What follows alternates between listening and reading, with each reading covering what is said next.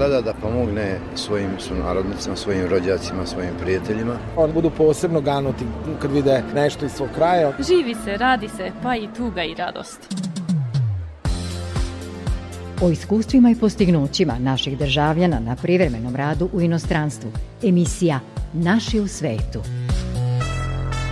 Dijaspora poziva Maticu, Matica odgovara dijaspori.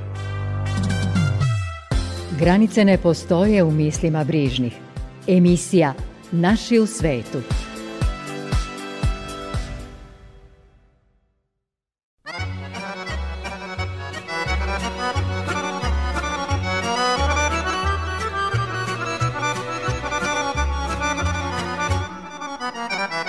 Dobro vam veče, poštovani slušaoci. Veliki pozdrav za sve su narodnike širom sveta, ali i za slušaoce u Matici.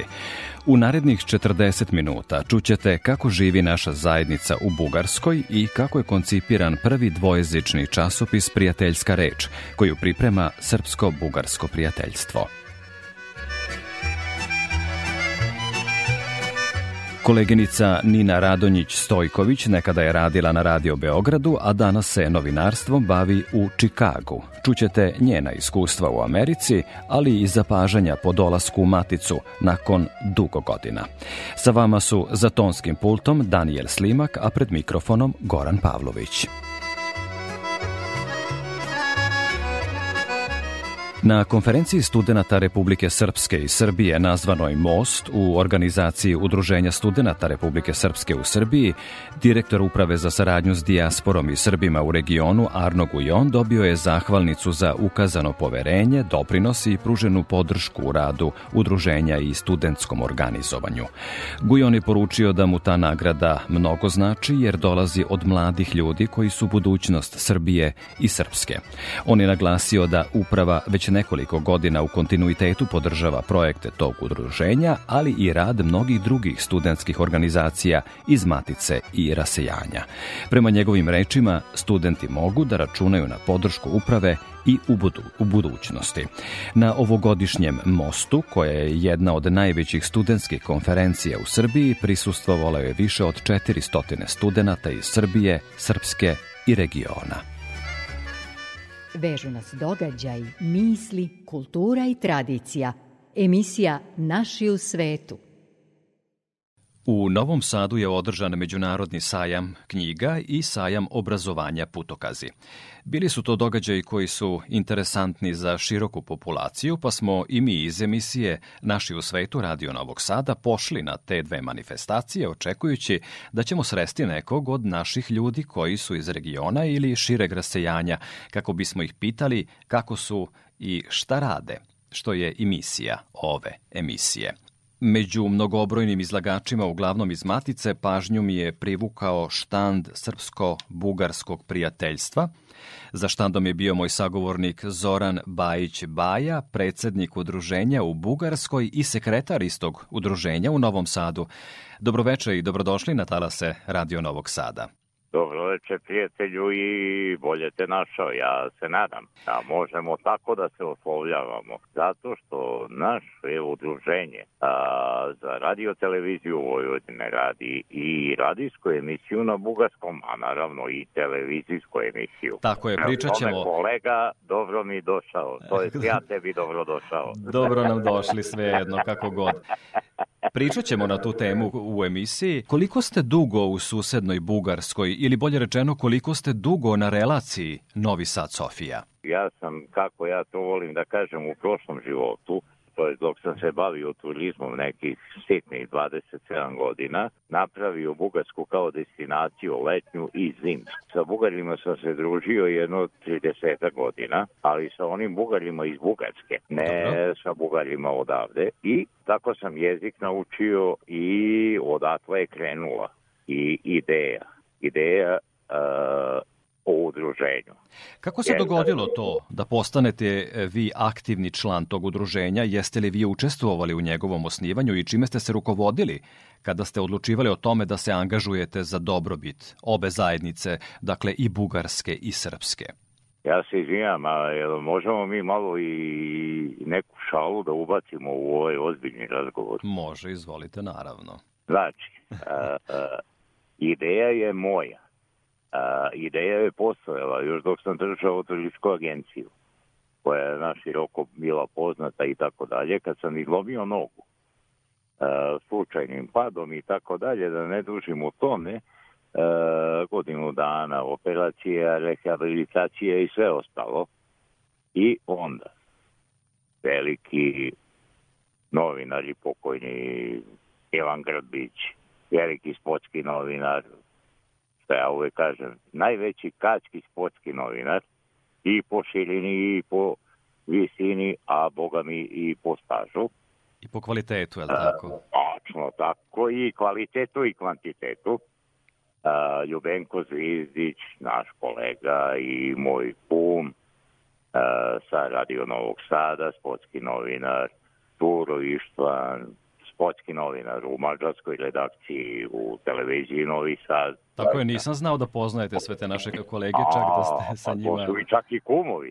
da, da, to zaista, taj podatak je za mene novost, moram da priznam, da.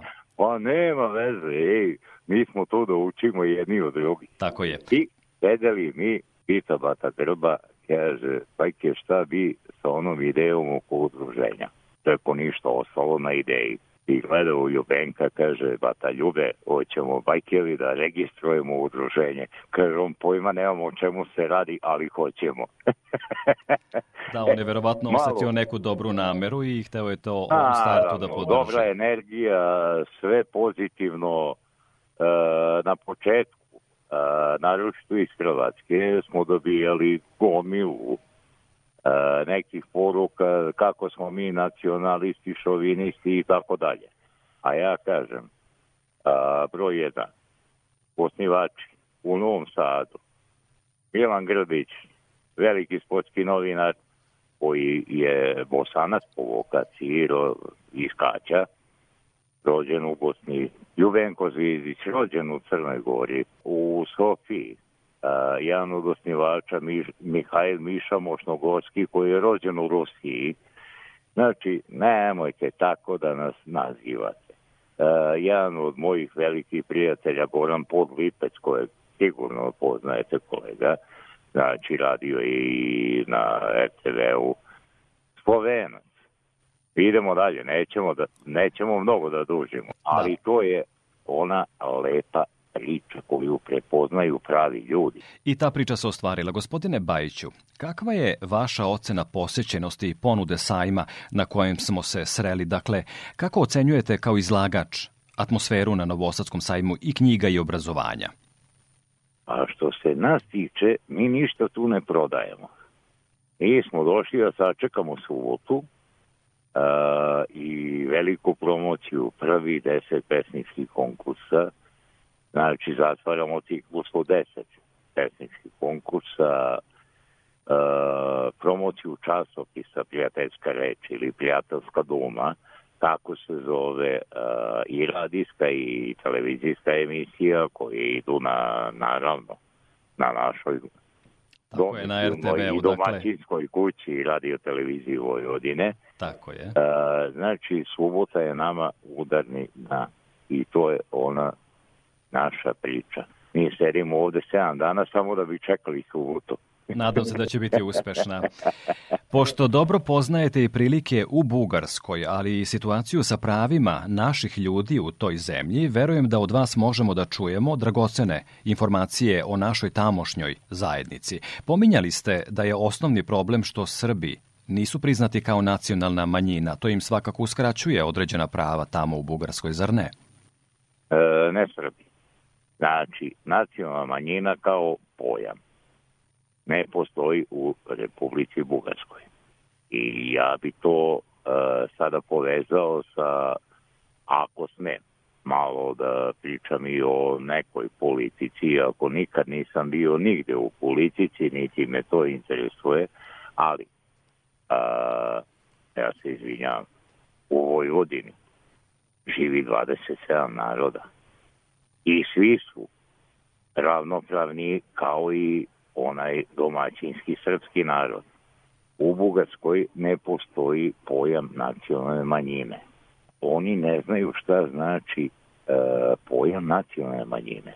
I to je veoma bolna priča uh, sa kojom su sigurno uh, susreću naši Srbi u Bugarskoj. Jesu li ljudi našeg porekla i pored tog problema u Bugarskoj ipak međusobno organizovani, imali susreta i koje biste izdvojili kao najkorisnije za sve njih koji su u toj zemlji na privremenom radu ili e, školovanju? Verujem da su se na neki način ipak organizovali, jer samo na taj način mogu da ostvare eventualno neka veća prava. Odmah da vam kažem nisu. A, Baš ste me razočarali. Što, ja sam to potezao kao pitanje u našoj ambasadi milion puta.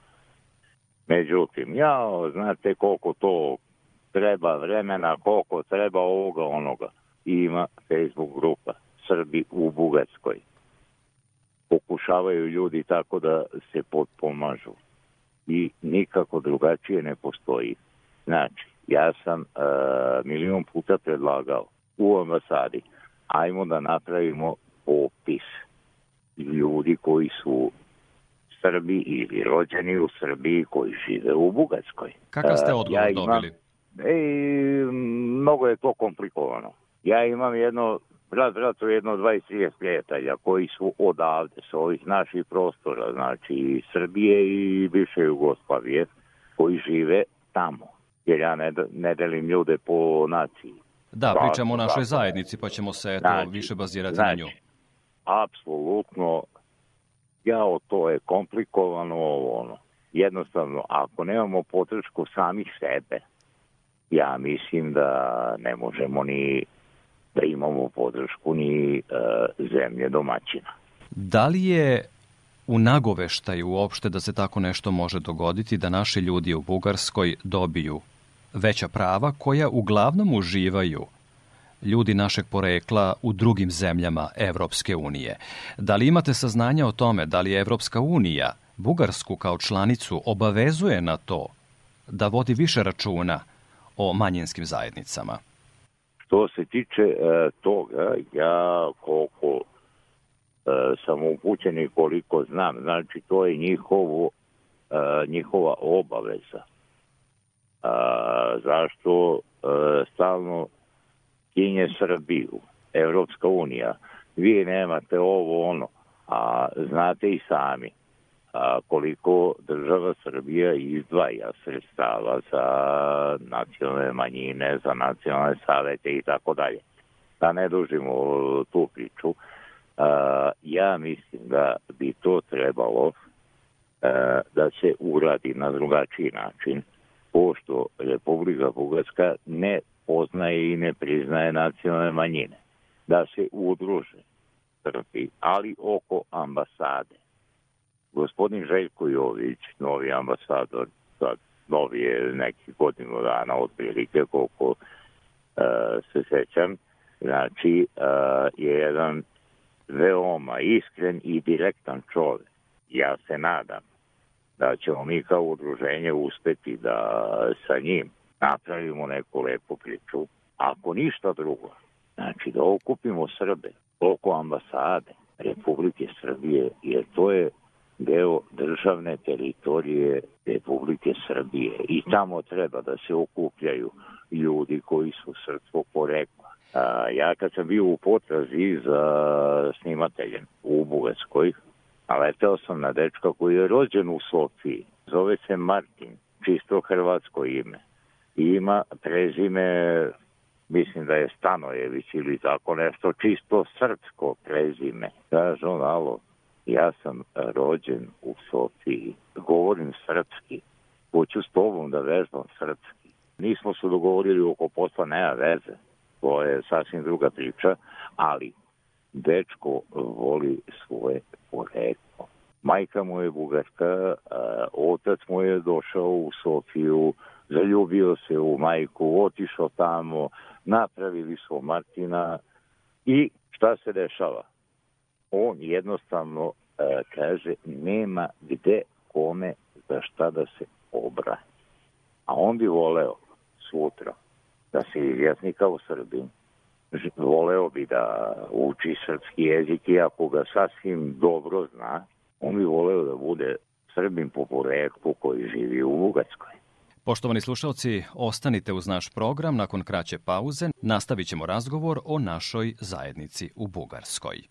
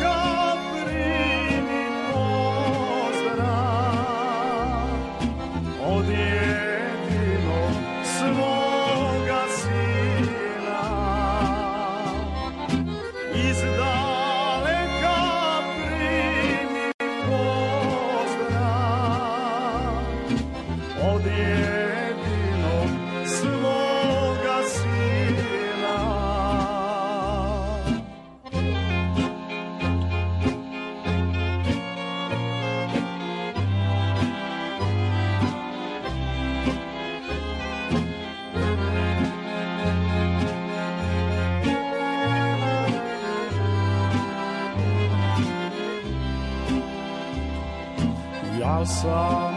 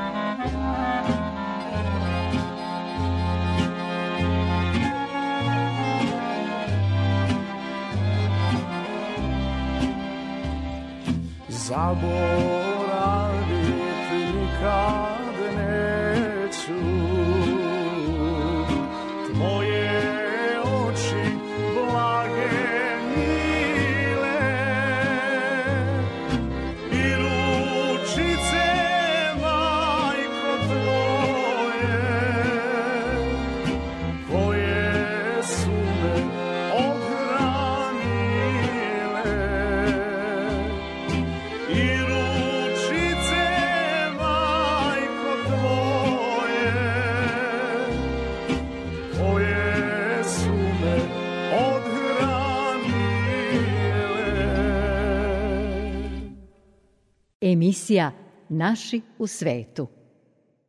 Sa nama je Zoran Bajić Baja, predsednik Srpsko-Bugarskog prijateljstva u Sofiji i sekretar tog udruženja ovde u Matici. Gospodine Bajiću, imamo mnogo sličnosti sa Bugarima kroz istoriju, recimo. Vežu nas i mnoge kulturne i verske okolnosti.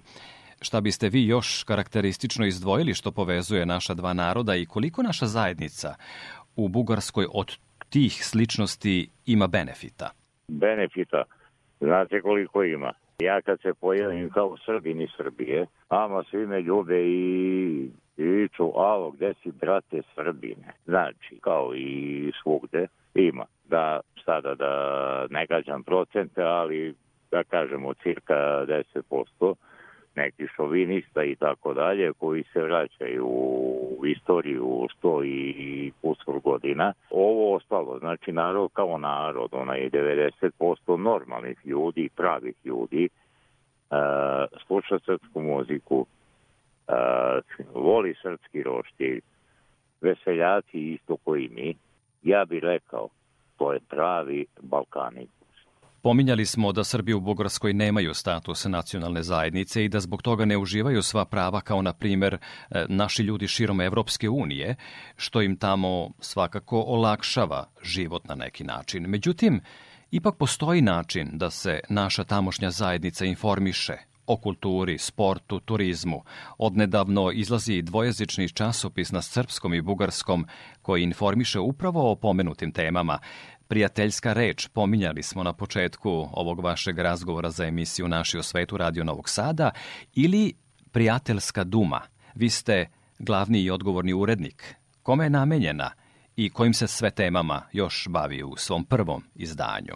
A kao što ste mogli videti, znači, eto, mi smo e, ga štampali u hiljadu primjeraka, delili smo ga na sajmu turizma u Sofiji, sajmu turizma u a, Beogradu, bili smo na šovskoj večeri u Pančevu i sada, a, sada smo ovde na sajmu knjiga u Novom Sadu, znači časopis deli besplatno teme su samo prijateljske. Znači, priča gradonačelnika grada Loma iz Bugarske o vezama koja, koje treba da budu između grada Loma, to je futbolskog kluba Levski iz Loma i naše Vojvodine. Zašto? Verovali ili ne, Paka Levski Lom i takav Vojvodina su osnovani iste godine. Znači, imamo mnogo toga. Znate i sami koliko je e, naših futbolera igralo u Bugarskoj. E, Dalibor Dragić je i dalje legenda Leskog i Sofije, iako se davno vratio iz Sofije. Imali su čak i tri reprezentativca od toga dvojicu iz Novog Sada, pričamo dalje, to je pišemo o Novom Sadu kao predstavnici kulture, pišemo o Vojvodini, tako dakle jeste, pišemo o festivalima u Bugarskoj, pišemo o svemu.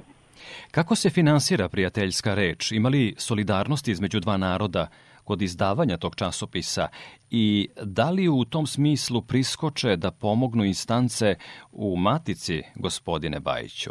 Do sada, e, znači ovo je tek prvi broj, do sada nismo imali podršku od nikoga. Ono ni u Bugarskoj, videli, ni u matičnoj zemlji. Nigde. Znači, ovo što se videli, reklama, to sam ja pustio neke moje drugare i prijatelje, pa već kad ga štampam, da oštampam i sa nekom reklamom, isto da je, i oni vide da tu može da postoji reklama.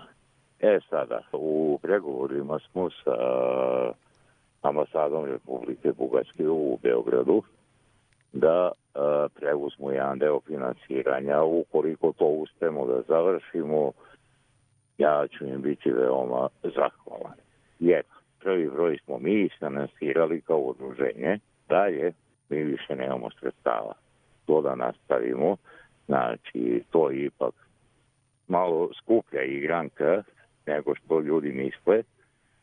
Broj 1, broj 2 vidjeli ste na kakvom kvalitetnom papiru se to radi i da je sve kvalitet. Znači, kvalitet košta. Gde je uredništvo, nisam ja urednik, ja se pojavljujem kao urednik, ali moj prijatelj koji, koji se pojavljuje pod pseudonimom, eh, on u stvari stoji iza časopisa kao urednik, kao profesionalac koji je u novinarstvu milion godina. Znači, to je ekipa koja stoji iza tog časopisa. U impresumu imate imena. To iz Srbije, što iz Bugarske. Čini mi se, gospodine Bajiću, da ste dobro upućeni u probleme sa kojima se suočava naša zajednica tamo.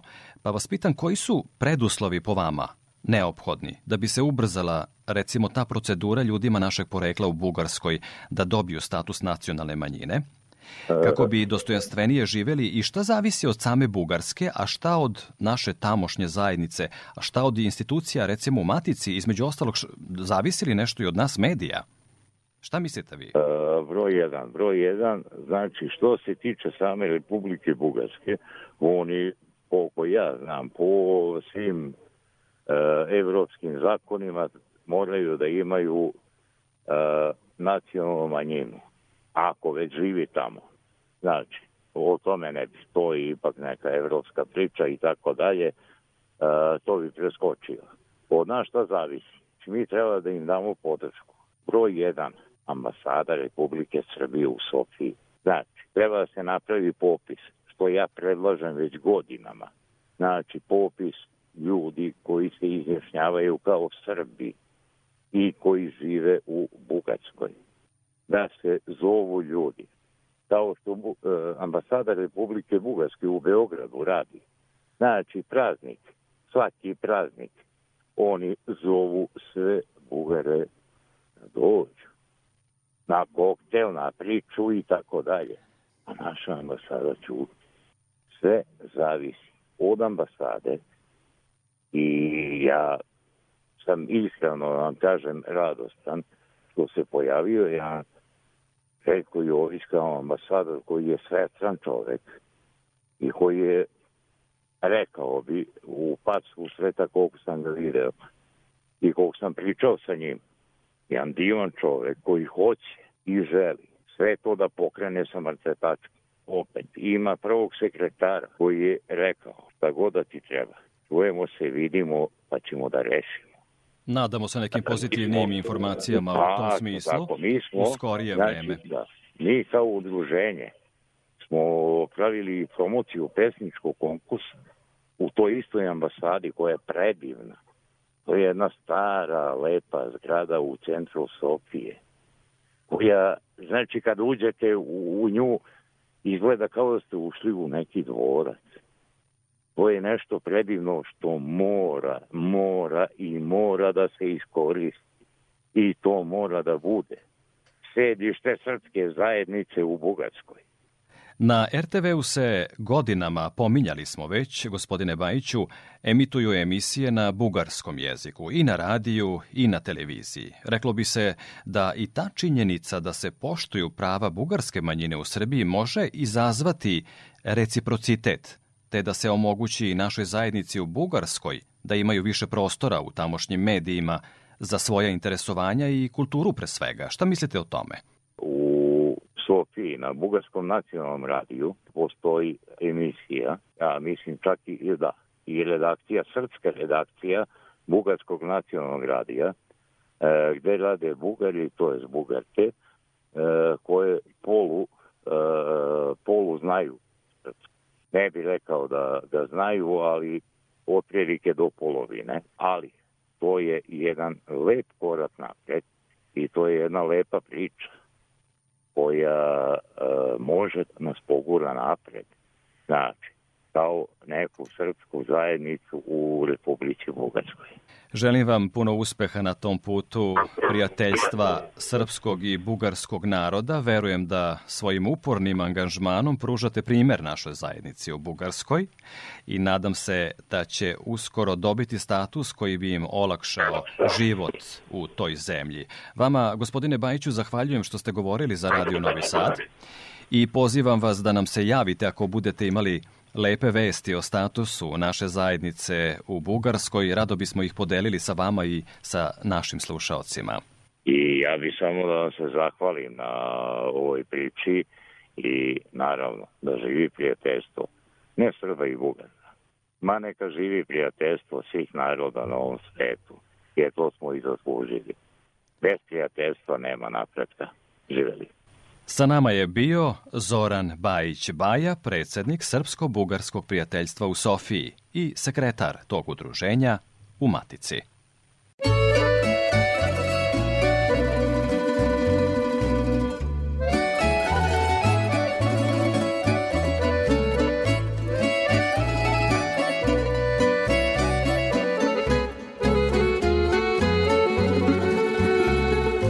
Kad me Opet u njen grad. Znam da neću biti Kao nekad mlad. Ali evo sad se kunem Bar još jednom dok ne umrem. Njene usne poljubit ću ja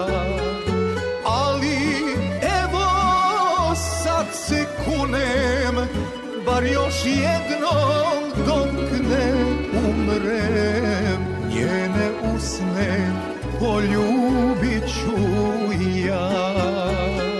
Srce moje deli se na pre i poslednje na mlade godine.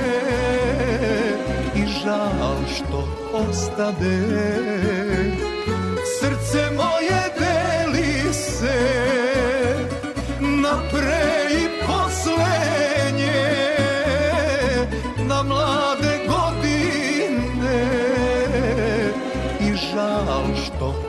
ostade Dođu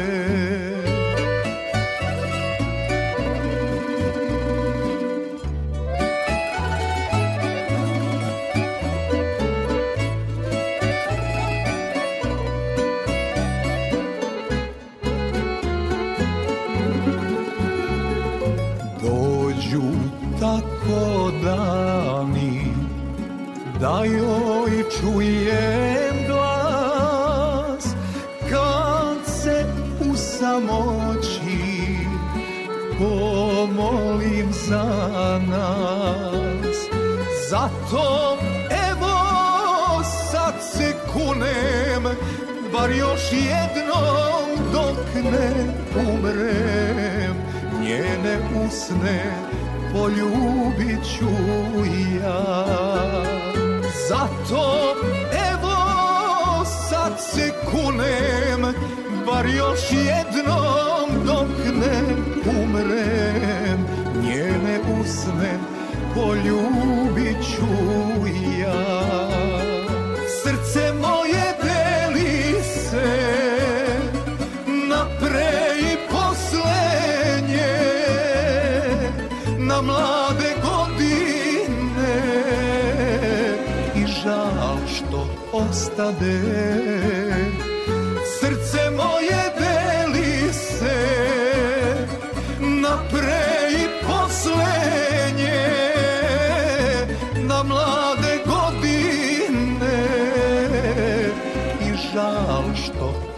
ostade i žal što ostade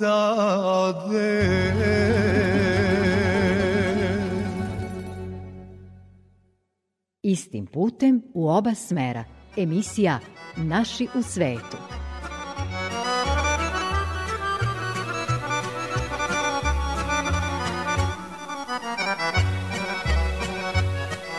Delegacija Uprave za saradnju sa dijasporom i Srbima u regionu prisustvovala je 21. festivalu folklornih grupa u Republici Sloveniji. Festival je održan u kulturnom hramu Ignacija Borštnika u Cerklje na Gorenjskem, a u organizaciji Saveza srpskih društava Slovenije.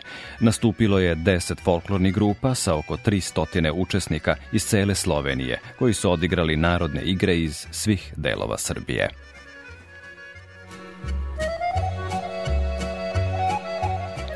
Nina Radonjić-Stojković je po svom osnovnom zanimanju medicinski radnik, ali je nastojanje da pomogne našoj zajednici u inostranstvu uz novinarski zanat koji je svojevremeno pekla i u Radio Beogradu, dovela u medije i to najviše u televizijske vode. Povremeno se javlja i za emisiju Večeras zajedno Radio Beograda 1 sa zanimljivim informacijama o aktivnostima među našim ljudima u Americi, a njen nedavni boravak u Srbiji iskoristila je koleginica Ružica Zorkić-Radičević da sa njom porazgovara o promenama koje je ovde uočila, pošto u zemlju porekla Nina Radonjić nije dolazila gotovo 20 godina. Ja sam posle bombardovanja, mesec dana posle bombardovanja sam otišla u Ameriku i dolazila sam od tad do ovog momenta samo jednom 2016. i tad sam kroz Beograd prošla i bila sam dve nedelje u Nišu, porodično. I u rodnu Žagubicu sam išla na pola sata. Ima mnogo promena u svakom pogledu. Što se tiče familije, prijatelja, poznanika, što se tiče grada, što se tiče Žagubice, sve se promenilo u smislu da, da ima i napredka, a da ima i stvari koje su ostale osiromašene, pogotovo nama koji dolazimo sa, iz zapadnog sveta, Amerika gde je stvarno standard i komfor i malo je onako socijalni šok. Da se vratimo onim emotivnim i privatnim vezama, barem u jednom domenu, koliko su one održive na tako veliku razdaljinu? Da li postoje ona situacija kad se vi vratite posle 20 godina i sretnete ljude s kojima nastavljate da razgovarate tamo gde ste stali onomad? Da, ja sam takav karakter. Drugo, a, zahvaljujući tehnologiji i društvenim mrežama, ja imam bliske prijatelje, imam drugarice iz detinstva, bliske prijateljice sa kojima nikad nisam prekidala nikakav kontakt. Tako da imam drugaricu koja mi je drugarica iz osnovne škole i prva osoba, među prvim osobama koje sam videla kad sam došla u Srbiju je ona. Tako da imam i drugi prijateljice, imam prijateljicu koja živi u Višničkoj banji s kojom sam jako intimno bliska, bez obzira što je ona živi u Beogradu, ja živim u Čikagu, ona mi je stvarno bliska prijateljica s kojom se čuje, vidim, razgovaram, tako da, zahvaljujući društvenim mrežama i tehnologiji. Novo vreme je donelo i nove kvalitete života. Tako. A da se malo okrenemo u Čikagu naša zajednica tamo i vaša uloga novinara. Koliko uspevate da im dostavite, da im prenesete informacije koje su im potrebne i šta je to što oni od informacija traže, naročito kad je reč o matici?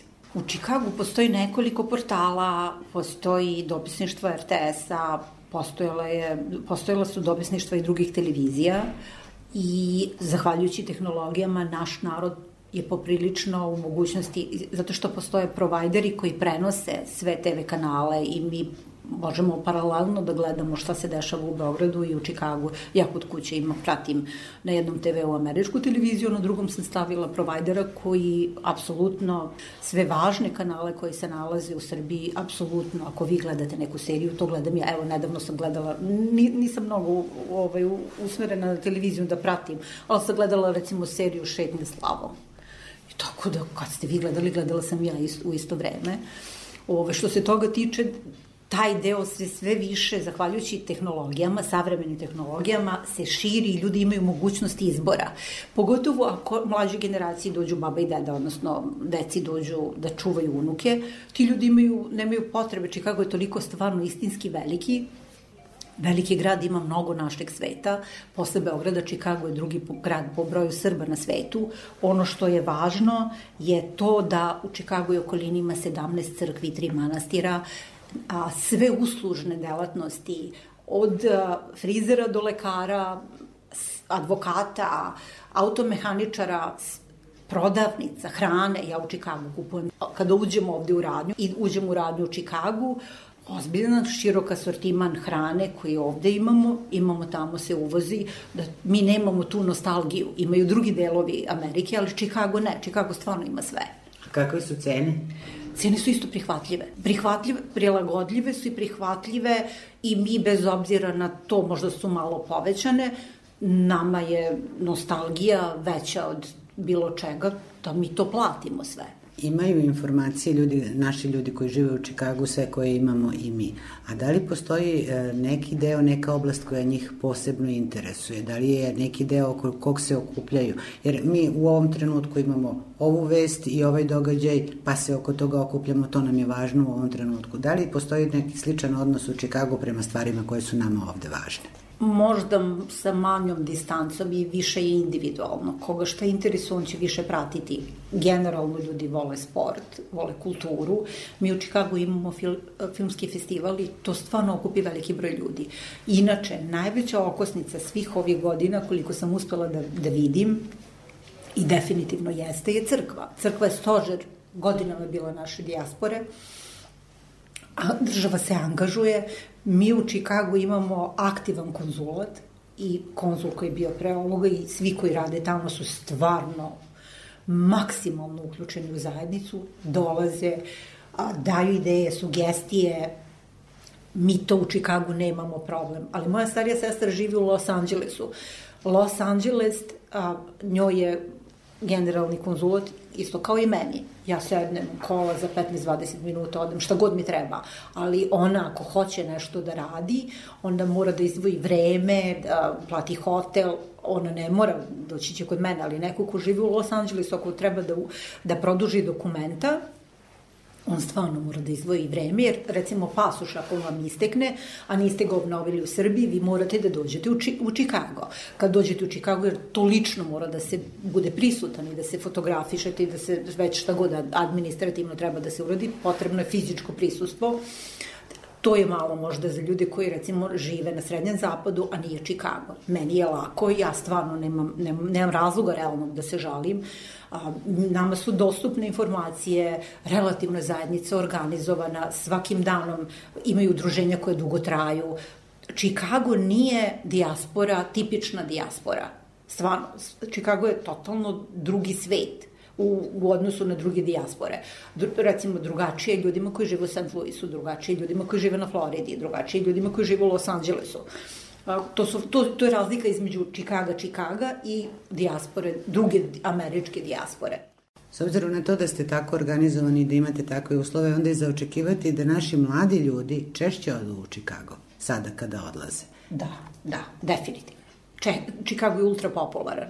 Ja znam, sretala sam generacije iseljenika posle 900 i njihove potomke koji ne znaju srpski, ali dolaze i kupuju i slave slavu i idu u crkvu i govore engleski, ali poštuju sve moguće srpske običaje sa najvećim poštovanjem. Onda je bio talas emigracije između dva rata, pa njihovi potomci. A Čikago je značajan za nas zato što taj manastir Sveti Sava, u manastiru Sveti Sava u Porti manastir je bio sahranjen vladika Nikolaj Velimirović, Jovan Dučić, pola vlada i dan danas je sahranjeno tamo, a Sveti Mardarije, takođe, tu su sve, a, i između ostalog bio sahranjen kralj. Mi imamo sveca koje je kanonizovala Srpska pravoslavna crkva 2015. koji počeva u porti manastira, manastir je zaštićen od američke a, a, vlade, jer spada u nacionalno blago, a, starije toliko da se smatra nacionalnim a, trezorom.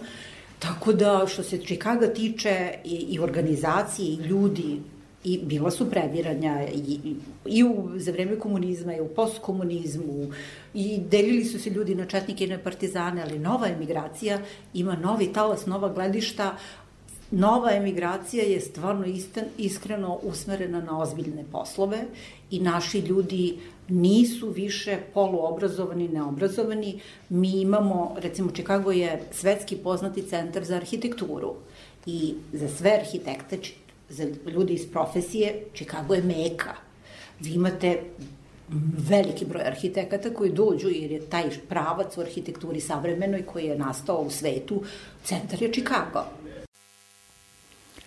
Zahvaljujemo kolegama iz emisije Večeras zajedno Radio Beograda 1 koji su nam ustupili ovu priču sa nekadašnjom koleginicom koja sada informiše našu zajednicu u Čikagu. Slušajte i našu sestrinsku, kako volimo da kažemo, emisiju u 21 čas večera zajedno na talasima Radio Beograda 1 sa kojima redovno sarađujemo jer smo dva solidarna medijska javna servisa i solidarne su nam i teme i interesovanja jer informišemo o uspehu naše zajednice širom sveta. Zajedno možemo uvek više i bolje, govorila je nekadašnja urednica emisije Večera zajedno Zorana Ivana Bokan. U našoj emisiji večeras toliko. Čujemo se i narednog petka od 19.05. Sve informacije u vezi sa emisijom potražite na Facebook stranici Naši u svetu RTV. Prijatno veče uz Radio Novi Sad.